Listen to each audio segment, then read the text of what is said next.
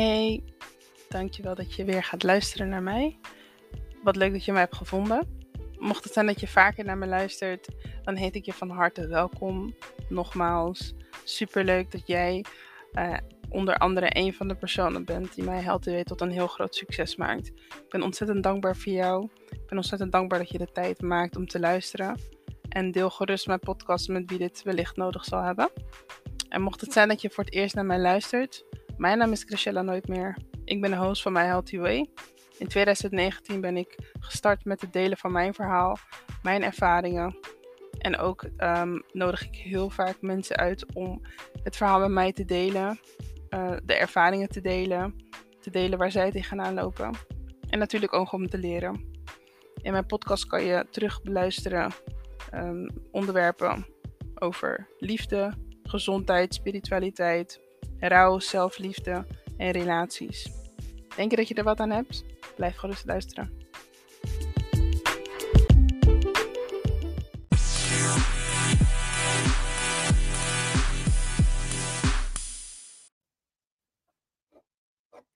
Oké, we zijn begonnen. Nou, welkom bij weer een nieuwe podcast talk. Dankjewel voor het kijken. Mijn naam is Chriselle Nooitmeer. Ik ben vandaag met Alisa Hilshof. En ik heb Alisa gevraagd om uh, samen een gesprek over binge-eating uh, te voeren. Nou, ik zal eens een klein stukje vertellen over waarom ik het heel belangrijk vond om samen met jou dit gesprek te doen.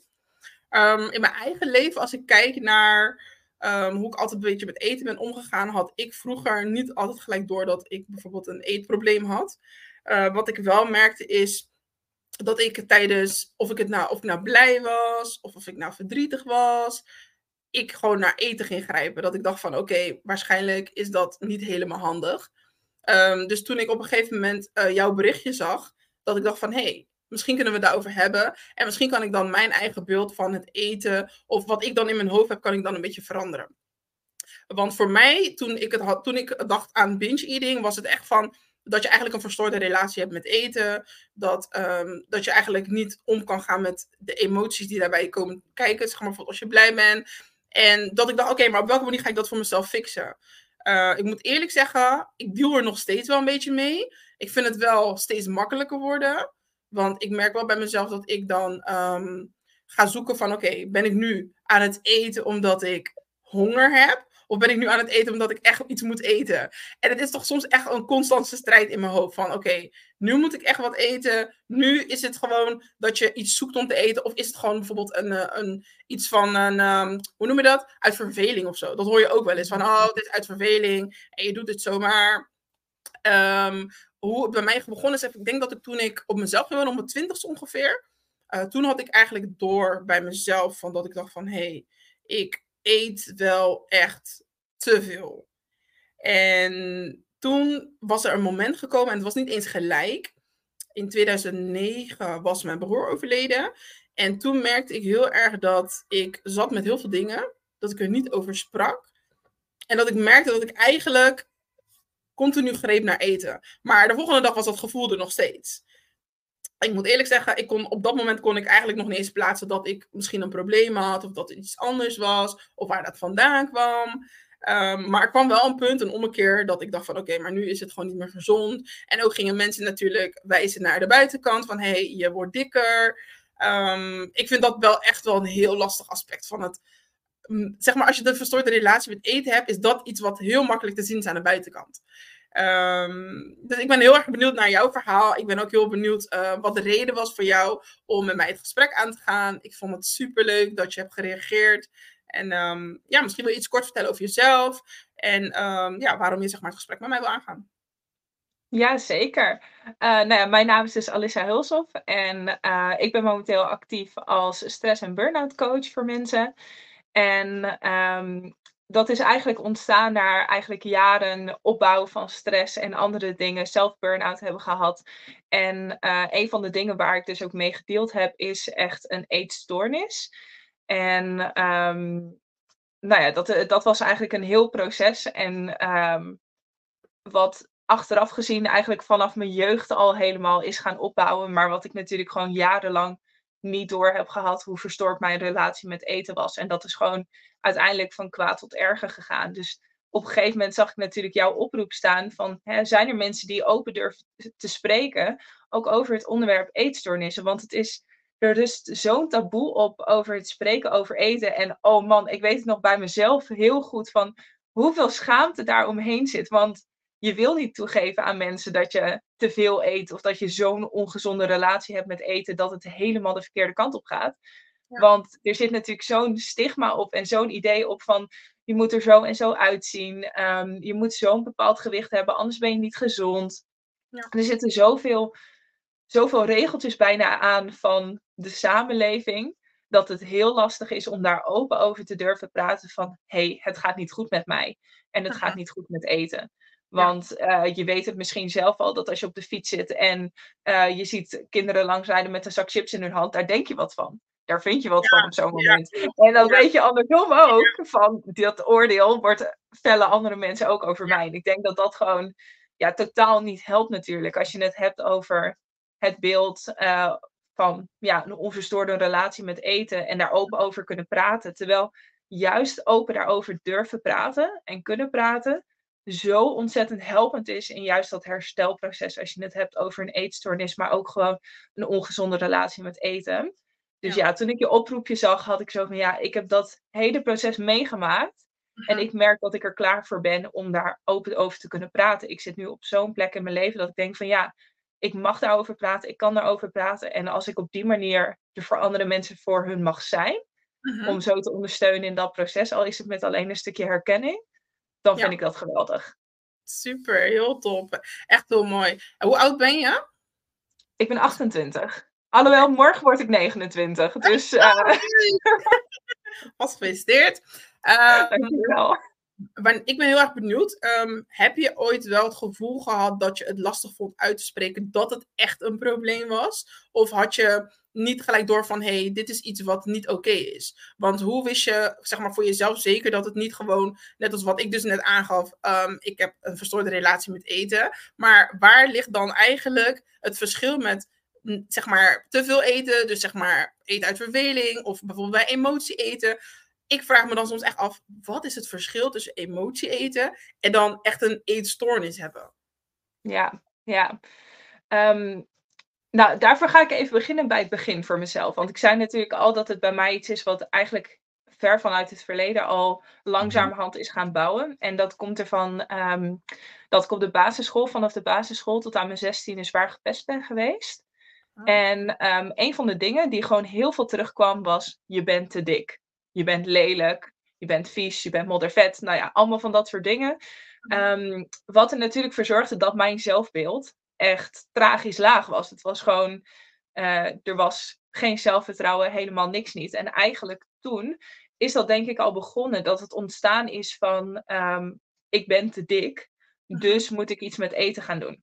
Ja. En ehm, wat ik op dat moment eigenlijk al begon te doen, zonder dat ik er heel bewust over nadacht, mhm. was een extra koekje pakken uit de kast bij mijn ouders. Want toen was het nog een soort van emotie eten.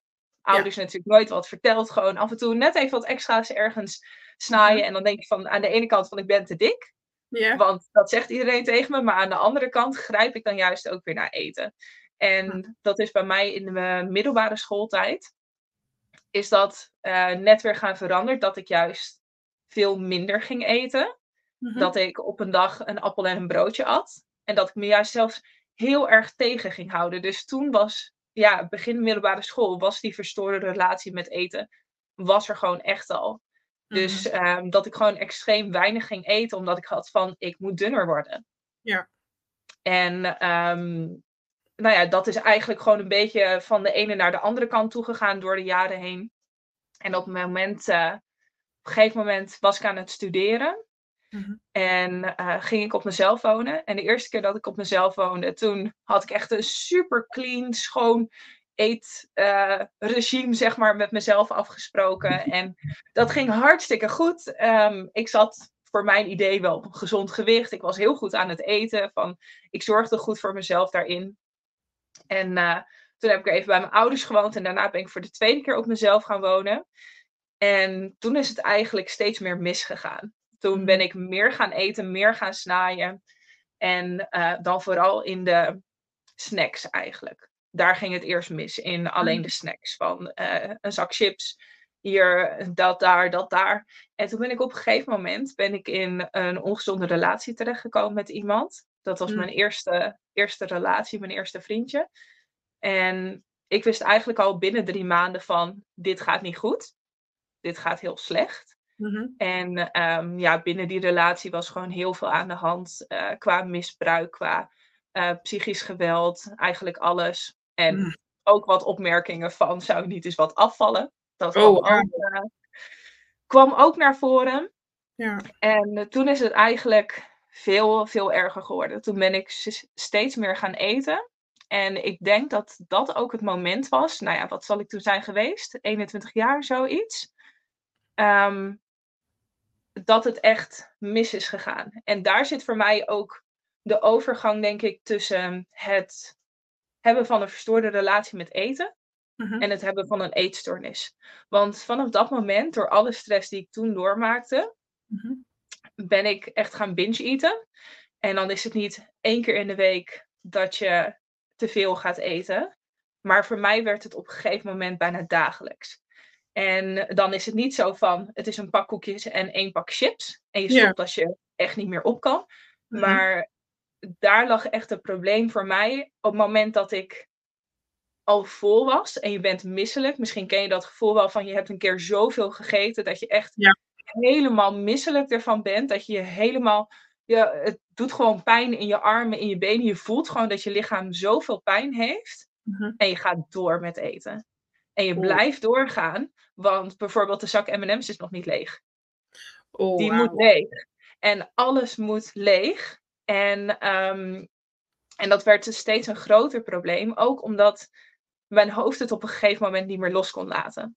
Mhm. Dus waar je vaak, eh, wat veel mensen, wat ook vaak bij een eetverslaving gebeurt, is dat je vanuit emoties natuurlijk gaat eten.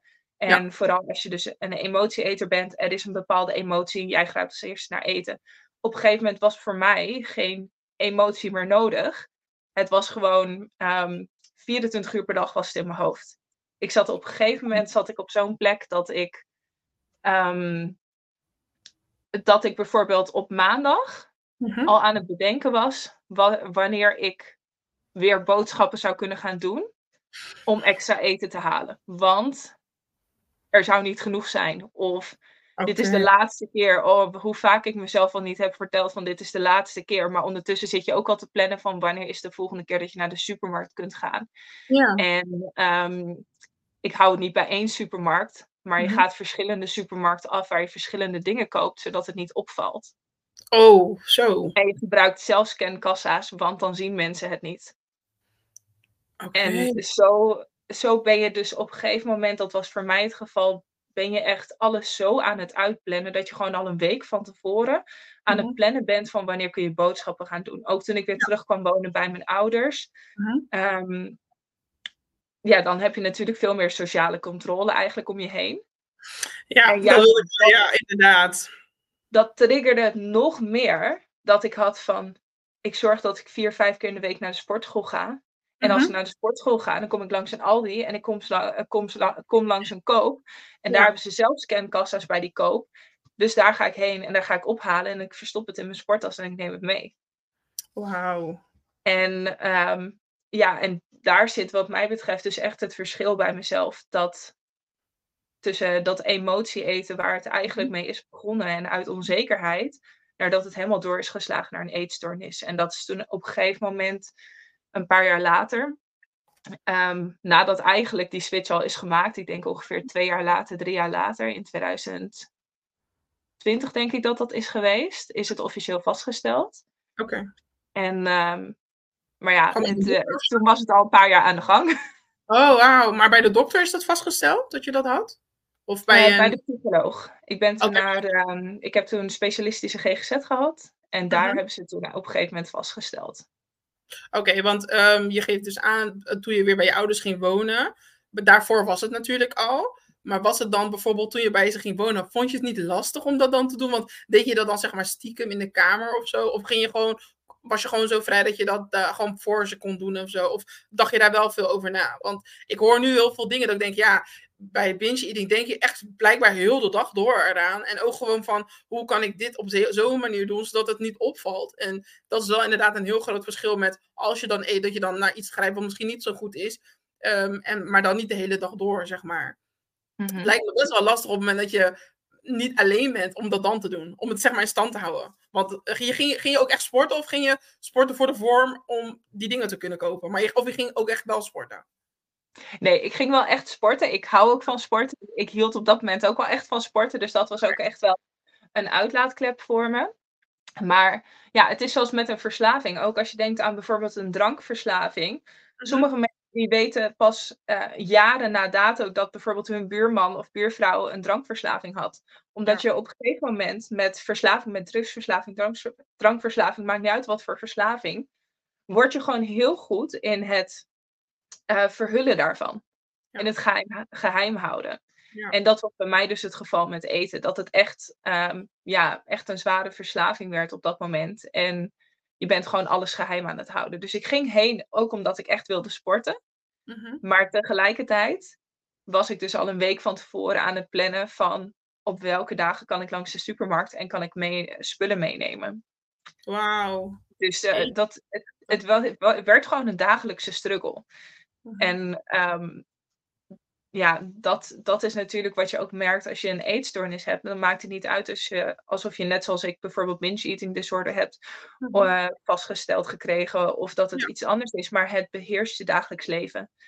En um, dat, dat is dus echt hetgene met een eetstoornis. Je hele leven, je, elke dag wordt gewoon volledig door voedsel beheerd. En op het moment dat er iets niet gaat zoals je in je hoofd hebt. Of het nou mhm. gaat om naar de supermarkt gaan en heel veel eten inslaan. Zodat je alles naar binnen kunt werken. Of dat het is bijvoorbeeld dat iemand je dwingt om voedsel te eten. Terwijl je eigenlijk dat niet wil. Wat heel vaak gebeurt met mensen die uh, met anorexia nervosa natuurlijk mhm. bijvoorbeeld zitten. Of um, um, met dat je bijvoorbeeld aan het eten bent, maar je hebt geen kans om over te geven als je uh, nou, daar weer mee zitten. Er zijn allemaal verschillende vormen daarvan. Ja. Um, dat, dat levert zoveel stress op. En dat beheerst, beheerst je dagen dan dus ook. Dat je volledig in die stress kunt zitten als er iets net even anders gaat mhm. dan, nou ja, dan wat je nodig hebt op dat ja, je denkt... je voor jezelf hebt uitgestippeld, zeg maar, inderdaad. Ja. Ja, ja. ja. En hoe oud was je, zeg maar, toen je weer bij je ouders kwam wonen? Want toen je bij je ouders kwam wonen, was je toen al met de psycholoog gaan praten of nog niet? Was dat moment toen nog niet gekomen? Was toen nog, zeg maar, het moment dat het nog een paar jaar duurde? Wat duurde dat toen nog een paar jaar voordat je toen naar de psycholoog ging? Um, ja, het, het, is bij mij zo gegaan. Ik heb dus die um, eerste relatie, die had ik in 2018, tijdens het laatste jaar van mijn studie. Okay. En toen ben ik aan het einde van mijn studie, dus dat was, uh, nou ja, dat was 2018, zomer 2018, ben ik weer naar mijn ouders toe verhuisd. Oké. Um, omdat ik daarna wilde gaan reizen. Dus nou, die zomer bij mijn ouders, dat was al uh, eigenlijk het eerste punt wat dus heel erg lastig werd, omdat ik dus mensen om me heen had. En daarna ben ik gaan reizen. Mm-hmm. En tijdens het reizen is het op sommige momenten iets beter gegaan, maar ik merkte wel dat ik echt constant overal inderdaad wel dingen aan het meesneaken was. En uh, eigenlijk ook constant dus met eten bezig was als ik in mijn hostelbekje lag. En um, ja, het, wa het, was zeker niet weg op dat moment. Het was wel iets minder, omdat ik me wat mhm. beter in mijn vel voelde. Omdat ik die relatie eindelijk achter me had kunnen laten na mijn mhm. studie. En het, daardoor maakte het, het iets dragelijker. Mhm. Op een gegeven moment kwam ik, uh, tijdens het reizen kwam ik in een nieuwe relatie terecht. En uh, dat was ook een hele stressvolle, slechte relatie. En daardoor is het eigenlijk um, nou ja, volledig ontspoord op een gegeven moment. En toen ben ik weer gegaan, die relatie was in Australië. Ben ik heen en weer gegaan, steeds tussen Australië en Nederland. Bij, bij hem zijn en weer bij mijn ouders zijn. Dus uh, op dat moment was ik eigenlijk constant met mensen om me heen. Ja. En um, ja, dat maakt het gewoon heel erg lastig. En mhm. Uh, door al die extra stress die ik op dat moment ervaarde, is gewoon eigenlijk op dat moment mijn hele mentale gezondheid is gewoon ontspoord. Nou ja, en dat was um, ja, vanaf begin 2019 eigenlijk. En eind 2020, toen heb ik voor het eerst specialistische hulp gekregen bij de GGZ. Mhm. En ehm, dat was niet alleen voor het eten, maar dat was juist voor suïcidale gedachten. Omdat ik dus zo goed met stress om kon gaan, Mhm. dat ik eh, en dus een eetstoornis had ontwikkeld al door de jaren heen. Ja. Maar ik ondertussen ook een depressie had ontwikkeld. En ik ook met trauma's nog zat van die eerste relatie. En dat Mhm. daar ook nog weer trauma's bovenop kwamen, eigenlijk vanuit de tweede relatie. Ik, kon, ik kon daar gewoon niet mee omgaan. Dat, Ik wist gewoon niet hoe ik dat moest doen. Ook door dat lage zelfbeeld wat ik al van mezelf had. Ik had gewoon geen idee hoe ik daarmee op moest gaan. En toen ben ik dus eind, eh, eind 2020 voor het eerst ehm, ja, bij de GGZ geweest. Bij de specialistische GGZ. Mhm. ehm, voor een behandeling. En dat zou speciaal ook wel voor mijn eetstoornis zijn. En eh, ja, dat werd uiteindelijk iets heel anders dan Nee. gepland.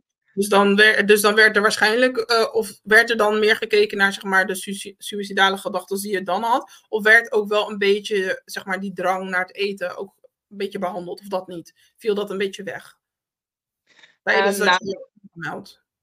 Ja, nee, de eerste noodzaak bij mij was eh, die suïcidale gedachten. Omdat ik op dat moment gewoon niet meer wilde leven. En eh, dat was ook de noodzaak. Daarvoor hebben ze me, nou ja, naar voren op de wachtlijst eigenlijk gezet, zodat ik zo snel mogelijk terecht kon. Ja. Omdat het op dat moment gewoon niet meer, niet meer ging. En ik herkende dat bij mezelf. Ik heb zelf eigenlijk een noodkreet geslagen bij mijn ouders van ik zie het leven niet meer zitten. En dit gaat niet goed. En dat Ja. ik naar de huisarts ben geweest twee of drie keer Mhm. om te zeggen van ja, dit gaat, gaat zo niet meer. En dat was dus de eerste, nou ja, eerste eigenlijk stukje Ja. van de behandeling om te zorgen dat ik daaruit zou komen. Ja. En dat ik, nou ja, eh, vanuit daar zeg maar, vanuit een iets rustigere ik, verder kon gaan met de rest. En ehm, ja, toen zijn we eigenlijk vooral ook verder gegaan met- een stuk traumaverwerking met EMDR. En ehm, nou ja, dat, dat was eigenlijk achteraf gezien. Ik had ook gewoon geen klik met die psychologen, maar dat, ja, dat, dat heeft niet de resultaten gegeven die ik had gehoopt. En eh, na dat jaar SGGZ Mhm. ehm, voelde ik me niet meer op dat moment suïcidaal. Die gedachten die waren een stuk rustiger, maar de rest was nog net zo aanwezig. De eetstoornis was nog net zo aanwezig. Ja. Het trauma was nog net zo aanwezig. En dat, ja, de, we hebben geprobeerd zeg maar daar aan te werken, maar op dat moment ging dat gewoon niet. In ieder geval niet in die setting en niet op die manier. Oh, wauw. Dus je, je hebt dus wel die zorg gehad. Dus als ik het eigenlijk hoor, heb je best wel een lange traject afgelegd van zorg in de GGZ. Voordat je waarschijnlijk dan bij iemand terechtkwam die je wel goed kon helpen. Want hoe lang duurde het voordat je die eh suïcidale gedachten niet meer had? Was, duurde dat lang voordat je die niet meer had? Ik heb toen een heel jaar lang bij de SGGZ gelopen daarvoor. Wauw. Dus ehm, dat was een heel jaar lang. Dat was eigenlijk heel 2021, eind 2020 en heel 2021 dat ik daar ben geweest. Mhm. En eh, toen hebben we dat traject afgesloten, omdat we zeiden van, nou ja, dat, eh, dat is wat we op dit moment kunnen bereiken. Ja. En eh, daarna ben ik het eerst weer zelf gaan proberen, maar wel dus in die tweede relatie gebleven, wat gewoon, waar ik heel veel heb gezien, heel veel heb meegemaakt, ehm, wat gewoon totaal niet goed was voor mijn lichaam en voor ik die gewoon op dat moment sowieso al niet met stress om kon gaan, Mhm. ging dat gewoon niet goed. Ja, En eh, nou, ja, eh, even kijken hoor. Ja, toen, toen is die eetstoornis dus ook weer echt keihard eh, gebleken daar, nou ja, dat hij er echt nog, echt nog diep in zat. Want ik ben op een gegeven moment in één jaar tijd ben ik 35 kilo aangekomen Oh, wauw. van het binge eten. En ehm, het is normaal dat je wat in je gewicht schommelt natuurlijk, maar het is niet normaal dat je zo zit ehm, met eten. En dat het mijn leven zo erg beheerste dat ik mijn vriend op dat moment, nu mijn ex, dus dat, eh, dat ik daarvan het zelfs geheim kon houden wat ik allemaal wel niet aan het eten was. Zo, wauw. Jeetje, bizar. Maar wel Dus knap dat- dat je zelf die hulp hebt gezocht. Want het is allemaal uit jezelf gekomen. Want ehm, pardon. Uh, zou je zeggen dat, zeg maar, uh, want hoe gingen zeg maar, je ouders daarmee om? Was er ook, zeg maar, waren er ook mensen die tegen jou zeiden dat je hulp moest aanvragen? Of was het echt meer vanuit jezelf, dat, ik, dat je zelf dacht van, nu moet ik echt wat doen? Want je hebt dus zelf netjes aangegeven van, hé, hey, ik, ik voel me gewoon niet meer prettig, ik wil er gewoon niet meer zijn. Ik vind dat hartstikke sterk. Er zijn mensen die echt nooit op dat punt komen. Dus ik ben heel blij dat je dat punt wel bereikt hebt en dat ook gedaan hebt. Maar waren zij voordat je dat gedaan had ook al wel alert? Waren er dingen die ze tegen je zeiden? Of of hadden ze helemaal niks door? Nou, achteraf gezien wisten ze wel dat ik niet gelukkig was. Mhm. Maar um, het is wel echt volledig vanuit mezelf gekomen dat ik had van ik heb hulp nodig. Um, want dat komt omdat ik zo goed was in het geheim houden van dingen. Mhm. En in het geheim houden van wat ik ervaarde, wat ik voelde. Dat ze dat gewoon eigenlijk nooit echt hebben kunnen merken. Het was gewoon meer van alsof je naar iemand kijkt waarvan je ziet van, nou, die is niet helemaal happy met hoe die zich voelt en waar die zit. Ja. Terwijl er van binnen, en dat, dat is natuurlijk wat meestal gebeurt, is mhm. je ziet niet wat er van binnen bij iemand speelt. Nee, maar er speelde dus zoveel van binnen bij mij. Maar ja, dat heb ik gewoon nooit met iemand gedeeld, want er zit, er zat gewoon zoveel schaamte omheen. Ja. En ik heb het heel moeilijk gevonden om die schaamte aan de kant te zetten. En dat is op een gegeven moment Ehm, in dat jaar SGGZ die ik toen heb gehad in 2021, moest ik dingen van mijn psycholoog met mijn ouders gaan delen. Oh. En dat vond ik heel lastig om dat te gaan doen. En ik mhm. had natuurlijk wel die eerste stap al gemaakt door aan te geven van ik heb suïcidale gedachten op dit moment. En dat liet wel alle stuk van de ernst zien van waar ik op dat moment dus mentaal zat. Mhm. Maar ehm, ja, echt daadwerkelijk hen alles vertellen, vooral over het eten, dat, vond ik, dat vond ik lastiger. Om te vertellen over het eten en hoeveel moeite ik daarmee had. En ook omdat er zoveel onbegrip eigenlijk voor is, want je weet niet hoe het voelt, tenzij je het ervaren hebt. En dat is met heel veel dingen natuurlijk zo, dat je niet daadwerkelijk kunt weten hoe het voelt, tenzij je het zelf ervaren hebt. Je weet niet hoe erg het je leven over kan nemen. En dat vond ik heel lastig, dat ook toen ik het op een gegeven moment wel vertelde, kon ik gewoon merken aan mijn ouders dat ze het heel lastig vonden mhm. om dat voor te kunnen stellen. Dat ze er eigenlijk haast geen beeld bij konden vormen. En dat, dat vond ik gewoon echt wel heel erg lastig op dat moment. Dat ik dacht van ja, ze begrijpen me niet. Ze mm. Hoeveel stress het mij oplevert als ik te veel op een product zit of zo en ik heb het anders in gedachten. Of als het avondeten op een andere manier klaargemaakt wordt dan ik in gedachten heb. Ze hebben geen idee hoeveel stress mij dat op dat moment oplevert en hoe slecht ik daarmee om kan gaan op dat moment. Ja, en, ik kan me voorstellen dat je dat wel alleen, dat je je dan wel alleen voelt misschien. Enorm. Ja. ja. het voelt gewoon heel eenzaam, want mijn ouders zijn er altijd voor me geweest. Mhm. En ik heb een enorm goede band met ze en ze hebben altijd naar me geluisterd. Maar je mhm. merkt dat, dat daar een bepaalde brug zit, dat, dat ze het niet weten hoe het is. Ja, precies. Dat maakt het op zo'n moment heel erg eenzaam. En dat maakte het ook gewoon ja, een stuk lastiger. En dat zorgde er ook voor dat ik eigenlijk jarenlang niet eerlijk ben geweest naar mensen. En dat is mhm. eigenlijk pas iets van het laatste jaar, nu dat ik, um, nou ja, dat het nu beter met me gaat. Dat ik mhm. merk van, nu durf ik pas meer dingen te delen. Precies. En er opener over te zijn. Ja, het is echt mooi. Ondanks zij zeg maar niet begrepen waar je vandaan kwam, had je wel het gevoel dat ze um, je serieus namen? Had je wel het gevoel dat, dat, dat het serieus genomen werd, wat je vertelde? Oh, dat is wel heel fijn. Ja, dat is wel heel fijn. Zeker. Ja. ja, dat is echt wel heel fijn. En als je zeg maar naar kijkt naar jouw traject die je hebt afgelegd, zeg maar bij het SGGZ, zou je dan iemand hetzelfde aan, um, aanbevelen? Of zou je zeggen van, hé, hey, dit is, wat zou je zelf anders willen? Um, wat zou je zelf anders gekund hebben? Wat denk je zelf dat anders kon in die periode? Denk je dat er misschien iets in de zorg anders zou kunnen? Want ik hoor best wel vaak mensen ook wel praten over dingen die in de GGZ beter kunnen. Ik heb zelf ook dingen meegemaakt die beter kunnen. Uh, maar ik ben wel benieuwd, zeker als het gaat over uh, het verschil met, weet je, met dat eten, maar dan ook natuurlijk ook je geestelijke gezondheid waar mhm. wordt er meer aandacht aan besteed? Ik heb dan wel vaak, als ik dat al hoor, dan lijkt me dat ze dan misschien het stukje eten een beetje aan de kant schrijven en dan zich alleen maar focussen op natuurlijk uh, zorgen dat jij die, die, drang niet meer hebt om er niet te zijn. Uh, maar in hoeverre wordt dat andere stukje dan ook nog heel serieus genomen om daar wat mee te doen? Mhm. Ja, weet je, ehm, voor iedereen is het natuurlijk verschillend wat goed werkt. Sommige mensen hebben hele goede ervaringen bij de GGZ, andere mensen minder. En Mhm. ehm, voor mij was dat ene jaar ook totaal niet voldoende. Hè. Dat is, dat is eigenlijk het begin van het traject waarin ik hulp heb ingezet. Ja. Dat was 2021. Maar daarna ehm, heb ik nog een burn-out gehad, omdat ik mezelf in die stressvolle situatie liet zitten. Mhm. Heb ik bijna een jaar thuis gezeten en ben ik pas vorig jaar Ja. bij een nieuwe psychologe terechtgekomen, waar ik echt intensieve therapie heb gehad om Ja. verder te gaan met van hoe kan ik herstellen van die burn-out en hoe kan ik ook, nou ja, eigenlijk beter met mezelf omgaan. Want uiteindelijk zit de kern van alles, of, of je het nou hebt over een eetstoornis of andere dingen, de kern zit binnen jouzelf. Er is iets binnen jouzelf wat zich niet compleet voelt, niet goed voelt.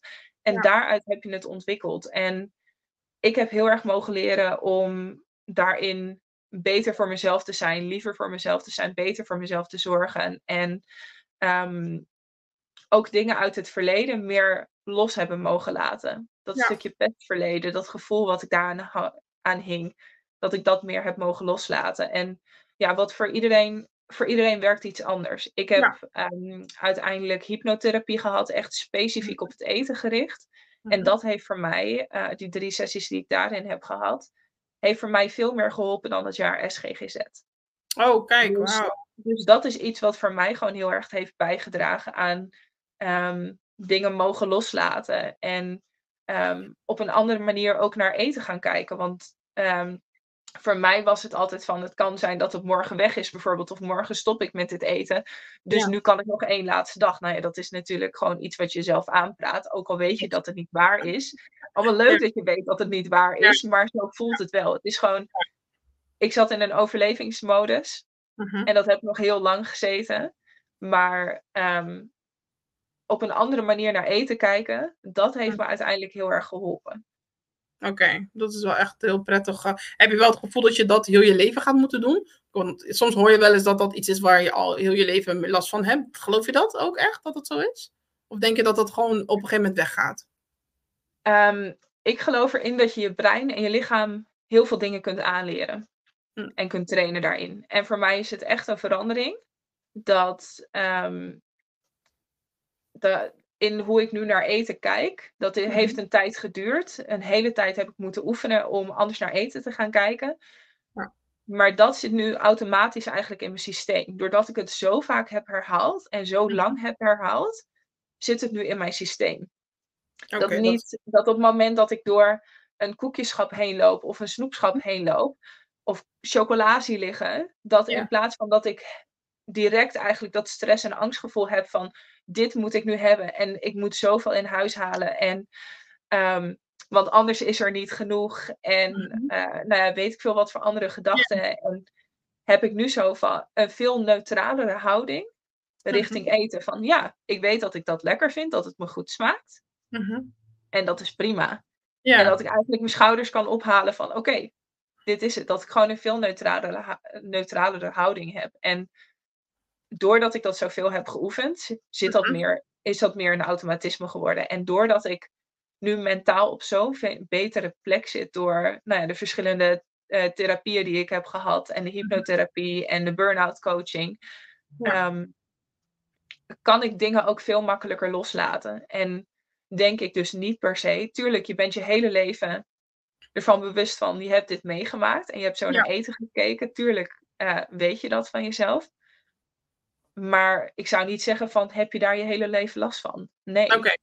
Dus Nee. als ik je vraag of je bijvoorbeeld, kan je wel genieten van de dingen waar je voorheen bijvoorbeeld op een andere manier naar keek qua eten? Of vermijd je al die dingen? Hoe doe je dat nu, zeg maar? Of kan je wel gewoon echt gewoon genieten van snacks, zeg maar? Zonder dat dat gevoel van vroeger erbij komt. Ah, dat is wel fijn. Dat is, ja, ik, ik ja. kan er nu gewoon van genieten. En dat ik ook denk van, als ik een zak, zak chips heb liggen, Ja. kan ik nu ook gewoon een schaaltje nemen en daarvan genieten. In plaats van dat die hele zak in één keer leeg moet. Ja, precies. En eh, dat ik niet meer heb dat ik me tot helemaal ziek aan dooreet. En Mhm. dan nog verder blijf dooreten. Dat heb ik Mhm. op dit moment gewoon niet meer. Omdat ik zo'n andere kijk naar eten heb kunnen trainen bij mezelf. Gewoon echt door oefening door blijven gaan. Heel veel mensen zeggen natuurlijk van, of die ervaren, die voelen het van, dit werkt niet voor mij. En Ja. het lukt niet. Mhm. En in het begin voelt het inderdaad zo dat het niet lukt en dat het niet beter wordt en ehm, dat het niet voor je werkt. Maar dat Mhm. is echt gewoon puur een kwestie van de juiste oefeningen voor jezelf vinden. Wat gewoon Ja. bij jou past als persoon, bij jouw lichaam past. En dat blijven herhalen, blijven doordoen. En ja, ik, ik kan nu gewoon genieten op een manier waarvan ik denk van ja, ik voel me niet meer schuldig als ik eet. Want dat zit er natuurlijk ook bij, hè, een stuk schuldgevoel. Heb ik echt heel sterk ervaren. Maar ik Mhm. voel me nu niet schuldig om te eten. En ik hoef het niet meer te verstoppen als ik Mhm. eet. Want dat Ja. is natuurlijk ook een heel groot ding. Mhm. En ehm, ik schaam me er ook niet voor op het moment dat ik een keer wel een hele zak chips heb leeggegeten. Dat is ook heel En dat is natuurlijk, hè, we kunnen onszelf zo goed afstraffen voor dat soort dingen. Ja, Van, van, oh, nu heb ik wel een pak koekjes leeggegeten. Of nu heb ik wel een hele reep chocola opgegeten. En daar kan ik nu zo anders naar kijken. En door dat stuk aardiger en liever voor mezelf te zijn, dat Mhm. maakt ook al gewoon zo'n grote verandering. Ja, dat is echt eh, heel knap hoe je daar zeg maar je weg in hebt gevonden. Heb je wel zeg maar, ehm, of heb je niet om je heen mensen die bijvoorbeeld jou herinneren aan die periode? Ik kan me best wel voorstellen dat, kijk, je geeft natuurlijk zelf aan van, nou, ik kan er nu beter mee omgaan. Ik heb niet echt een schuldgevoel. Maar ik kan me zo wel voorstellen dat er misschien wel mensen zullen zijn die dan je misschien wel op een goed bedoelde manier herinneren van, hey, zal je dat doen? Of heb je dat helemaal niet gehad? Om je heen, zeg maar. Ehm, ik heb dat in het begin wel gehad met mijn ouders. Ze hebben natuurlijk, op een gegeven moment heb ik wel heel veel van het verhaal met ze gedeeld. Ze weten nog steeds niet altijd alles, maar ja, alles kunnen delen van wat je meemaakt, dat is ook gewoon niet, niet altijd mogelijk. klopt. Maar ehm, ik heb wel veel met ze gedeeld daarin. En af en toe heb ik wel opmerkingen gekregen. En ehm, ik zat toen ook nog niet helemaal lekker in mijn vel op dat moment natuurlijk. Want dat is ook echt een proces geweest, een lang proces geweest. Ja. Maar dat ik echt wel uit mijn slof ben geschoten. Van, ehm, van boosheid, stress, frustratie, angst ook wat weer naar boven kwam. Van ze oordelen over mij en over wat ik doe. En Ja. dat ging niet goed. En dat werkte bij mij juist compleet averechts. En ehm, waar ik dat eerder verborg en het daar niet over kon hebben met ze, omdat het geheim moest blijven, Hm. ehm, kon ik dat op die momenten wel enigszins. Het ging nog niet soepel. Het ging nog niet per se Ja. hoe je normaal gesproken natuurlijk feedback geeft. Nee, Ja, dat dat was omdat mijn eigen stresssysteem ook nog echt all over the place was. En Tuurlijk, ik natuurlijk nog 100%. zo in dat proces zat. Ehm, maar ja, dat ik het wel met ze erover heb gehad van dit kan zo niet en dit werkt voor mij averechts. En Ja. ehm, ik weet de dingen die je zegt, dat weet ik allemaal al. Want ik ben best wel heel erg zelfbewust eh, met dat soort dingen. Dat word je natuurlijk ook op het moment Ja. dat je zo eigenlijk je voelsprieten aanzet op dat soort dingen. Mhm. En ehm, ja, dat, dat ik echt gewoon heb aangegeven van, dit weet ik allemaal. Alles wat je me zegt, dat weet Mhm. ik allemaal al.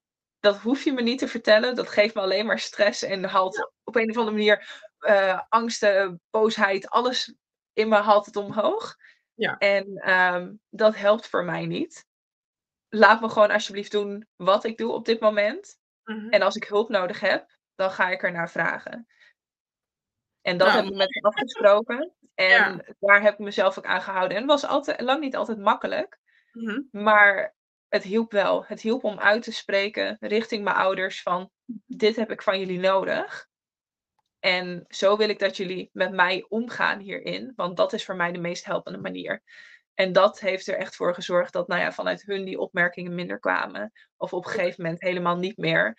Mhm. En ehm, dat ik ook voelde van oké, ik heb gewoon weer de ruimte om adem te halen. En nu zit er minder oordeel op. Want daar ben je natuurlijk ook heel erg bang voor. Hè? Dat oordeel van mensen. Dat oordeel vooral van mensen waarvan je houdt dichtbij om je heen. Mhm. Van wat gaan zij ervan vinden. En Ja. ja, ja da- dat is allemaal zoveel beter geworden in die Oh, tijd. dat is zo fijn. Super fijn. Heb je het gevoel dat je ook nu gewoon eerlijk tegen jezelf bent in alles wat je doet? En dat je gewoon nu ook echt, net als wat je. Kijk, ik geloof ook wel, ik weet van mijn eigen verhaal ook wel dat op het moment dat je misschien het niet toe durft te geven waar je bent, dat het soms ook wel lastig is om echt eerlijk te zijn van: oké, zo voel ik me daadwerkelijk. En, want ik kan me ook zo voorstellen dat het niet iets is wat helemaal weg zal gaan, of niet gelijk weg zal gaan, laat me zo zeggen. Um, maar is dat wel gewoon iets waar je ook gewoon eerlijk in bent? Stel dat het niet goed gaat, dat je dat ook wel tegen iemand kan zeggen. Is dat wel iets wat je doet, zeg maar? Ondertussen wel, ja. Ja, Dat wel heb ik natuurlijk een hele lange tijd niet gedaan, ook in mijn herstelproces en in dat eerste jaar GGZ eh, en de Mhm. jaren daarna vond ik Mhm. dat heel erg lastig om dat te doen. En eh, om dus hulp te vragen op het moment dat het niet goed ging ehm, met andere dingen, dat, dat was gewoon eerst heel erg lastig. Ehm, maar op een gegeven moment, vooral met, eh, tijdens mijn burn-out, had ik ook afspraken echt gemaakt met mijn moeder van oké, ik ben nu weer thuis bij jullie. Ik ga dat herstel in. En ik heb dit en dit van je nodig. Bijvoorbeeld van neem me elke dag mee op een wandeling. Want Ja. ik zal niet willen. Ik Mhm. zal er misschien zelfs boos om worden op dat moment. Mhm. Als ik het niet kan dragen op dat moment. Maar ik wil wel dat je me meeneemt. Omdat ik weet dat ik achteraf misschien weer net die ene procent beter voel dan voor die tijd. Ehm, ja, dus dat, ja, de- dat, heeft dus gewoon wel heel veel tijd nodig gehad. Maar het heeft wel, heeft wel echt geholpen. En die open communicatie, dat, dat, dat is toch een van de belangrijkste dingen. Dat is natuurlijk ook een van de redenen dat ik nu een stukje van mijn verhaal hier deel bij jou. Ja. Omdat die openheid zo belangrijk is en die schaamte ervan af mag vallen. En dat ik, dat ik gewoon hoop dat hier mensen naar luisteren die zich herkennen en denken van oké, maar ik ben hier niet alleen in. Ja, klopt. En ehm, dat als ze erover willen praten, dat er iemand aanwezig is waarmee ze kunnen praten. Iemand Ja. is die ze daadwerkelijk begrijpt, die er heeft gestaan. Ja. En dat, dat vind ik heel erg belangrijk, want ik heb die mensen gewoon zelf niet om me heen gehad. En nou heb ik gewoon heel veel geluk met een hele goede vriendin die ik heb en met mijn ouders die ik heb, dat ik daar gewoon Ja. heel goed uiteindelijk mee heb kunnen praten. Mhm. Maar niet iedereen heeft dat. Nee, En- dat is waar. Dus Ja, het is wel mooi dat je dat ook durft. Hè? Je moet het ook maar durven. Want ja, net als wat je zegt, op het moment dat je dat aangeeft, wordt er toch, ja, wordt toch anders naar je gekeken. En ik denk dat we kijken eigenlijk al heel lang anders naar onszelf. Want als je daar ook mee dealt, dan ben je al heel streng voor jezelf. Dus dan heb je eigenlijk al die oordelen van de wereld niet nodig. Dus ik denk dat het alleen maar heel mooi is. Ik weet dat het gewoon mooi is dat je gewoon aangeeft van hé, hey, het mag er gewoon zijn. En het is helemaal niet erg. En dat is ook gewoon de reden waarom ik ook mijn podcast heb. Dat is waarschijnlijk ook de reden dat je misschien ook coach bent geworden. En dat, dat, dat wij gewoon eh, mensen zijn die gewoon anderen daarin kunnen helpen. Eh, en waar zou je zeggen dat je nu staat op dit moment in je leven qua je gezondheid? Heb je nu het gevoel van, hé, hey, ik ben nu gewoon de versie die ik wil zijn en ik kan andere mensen ook helpen? Ook op andere manieren natuurlijk. Ben je echt waar je wilt zijn, zeg maar, qua dat stukje wat je hebt meegemaakt? Ehm, ja en nee, als in van ja, ik sta waar ik wil zijn. Dat Mhm. ik blij ben met wie ik ben als persoon. En met de groei die ik heb doorgemaakt. En dat ik volledige acceptatie heb voor waar ik nu sta. Ik Mhm. ben niet meer boos of gefrustreerd met mezelf. Dat ik denk van oh, het is een keer een dagje met eten bijvoorbeeld minder gegaan. Mhm. Ehm, of eh, dat sommige andere dingen niet helemaal goed gaan. Dat, dat is ook een heel groot proces geweest. Maar ja, ik ben super blij met waar Mhm. ik nu sta. Maar ja of nee, eh, ik kijk ook altijd naar waar groei zit. En voor mij zitten er, zijn er echt nog heel veel plekken, ook wel rondom eten. En Mhm. ehm, mijn lichaam en andere dingen. En ook echt wel eh, sommige mindset struggles die af en toe boven, naar boven komen. Dat ik denk van ja, ik heb ook dingen waar ik nog in wil groeien. En waarvan ik denk van ja, daar wil ik op een ander punt in zijn. Maar echt groeien naar wie je wil zijn, kun je pas op het moment dat jij accepteert en echt van binnen kunt accepteren waar je nu staat. Precies, ja. Dat, dat ervaar ik nu voor het eerst in jaren, misschien zelfs wel in mijn leven, dat ik echt denk van ja, ik ben gewoon tevreden met waar ik sta. En ik ben blij met wie ik ben als persoon. Mhm. En ehm, ik mag andere mensen helpen die met gelijkwaardige dingen te maken hebben gehad. Ehm, op wat voor manier dan ook. Dat, dat vind ik zo mooi. Daar ben ik heel erg blij mee. Dus ja, eh, ja, ik ben tevreden met waar ik sta. Zeker. Mooi. Ja, dankjewel. En zou je zeggen dat zeg maar, hetgeen wat je hebt meegemaakt ervoor zorgt dat... Kijk, ik weet, ik geloof dat het zo is. Maar geloof je ook zelf dat doordat je het zelf hebt meegemaakt... dat je anderen ook beter kan helpen? Ik vind vaak wel dat... ehm, ik denk dat we allemaal wel eens kunnen studeren... of een bepaald vak kunnen uitoefenen. Maar vooral in de gezondheidszorg, mentale gezondheid... ik vind het zelf ook wel belangrijk... dat je zelf enigszins hebt meegemaakt... En dat je uit een plek spreekt van ervaring. Dus dat je dan ehm, je echt kan inleven in een persoon. Omdat op het moment dat je zelf niet hebt meegemaakt, dat het dan toch makkelijk is om te zeggen van, ja, ik begrijp wat je bedoelt. Maar ik begrijp wat je bedoelt, kan je niet echt zeggen als je het zelf niet hebt meegemaakt. En dan is het eigenlijk alsof je dan maar zomaar iets zegt. Dus ehm, is dat eigenlijk iets wat je altijd wilde doen? Of heb je eigenlijk door wat je nu hebt meegemaakt gezegd van, hé, hey, ik wil ook coach worden? Of was het altijd iets wat je wilde doen? Ik heb eigenlijk nooit geweten wat ik wilde doen.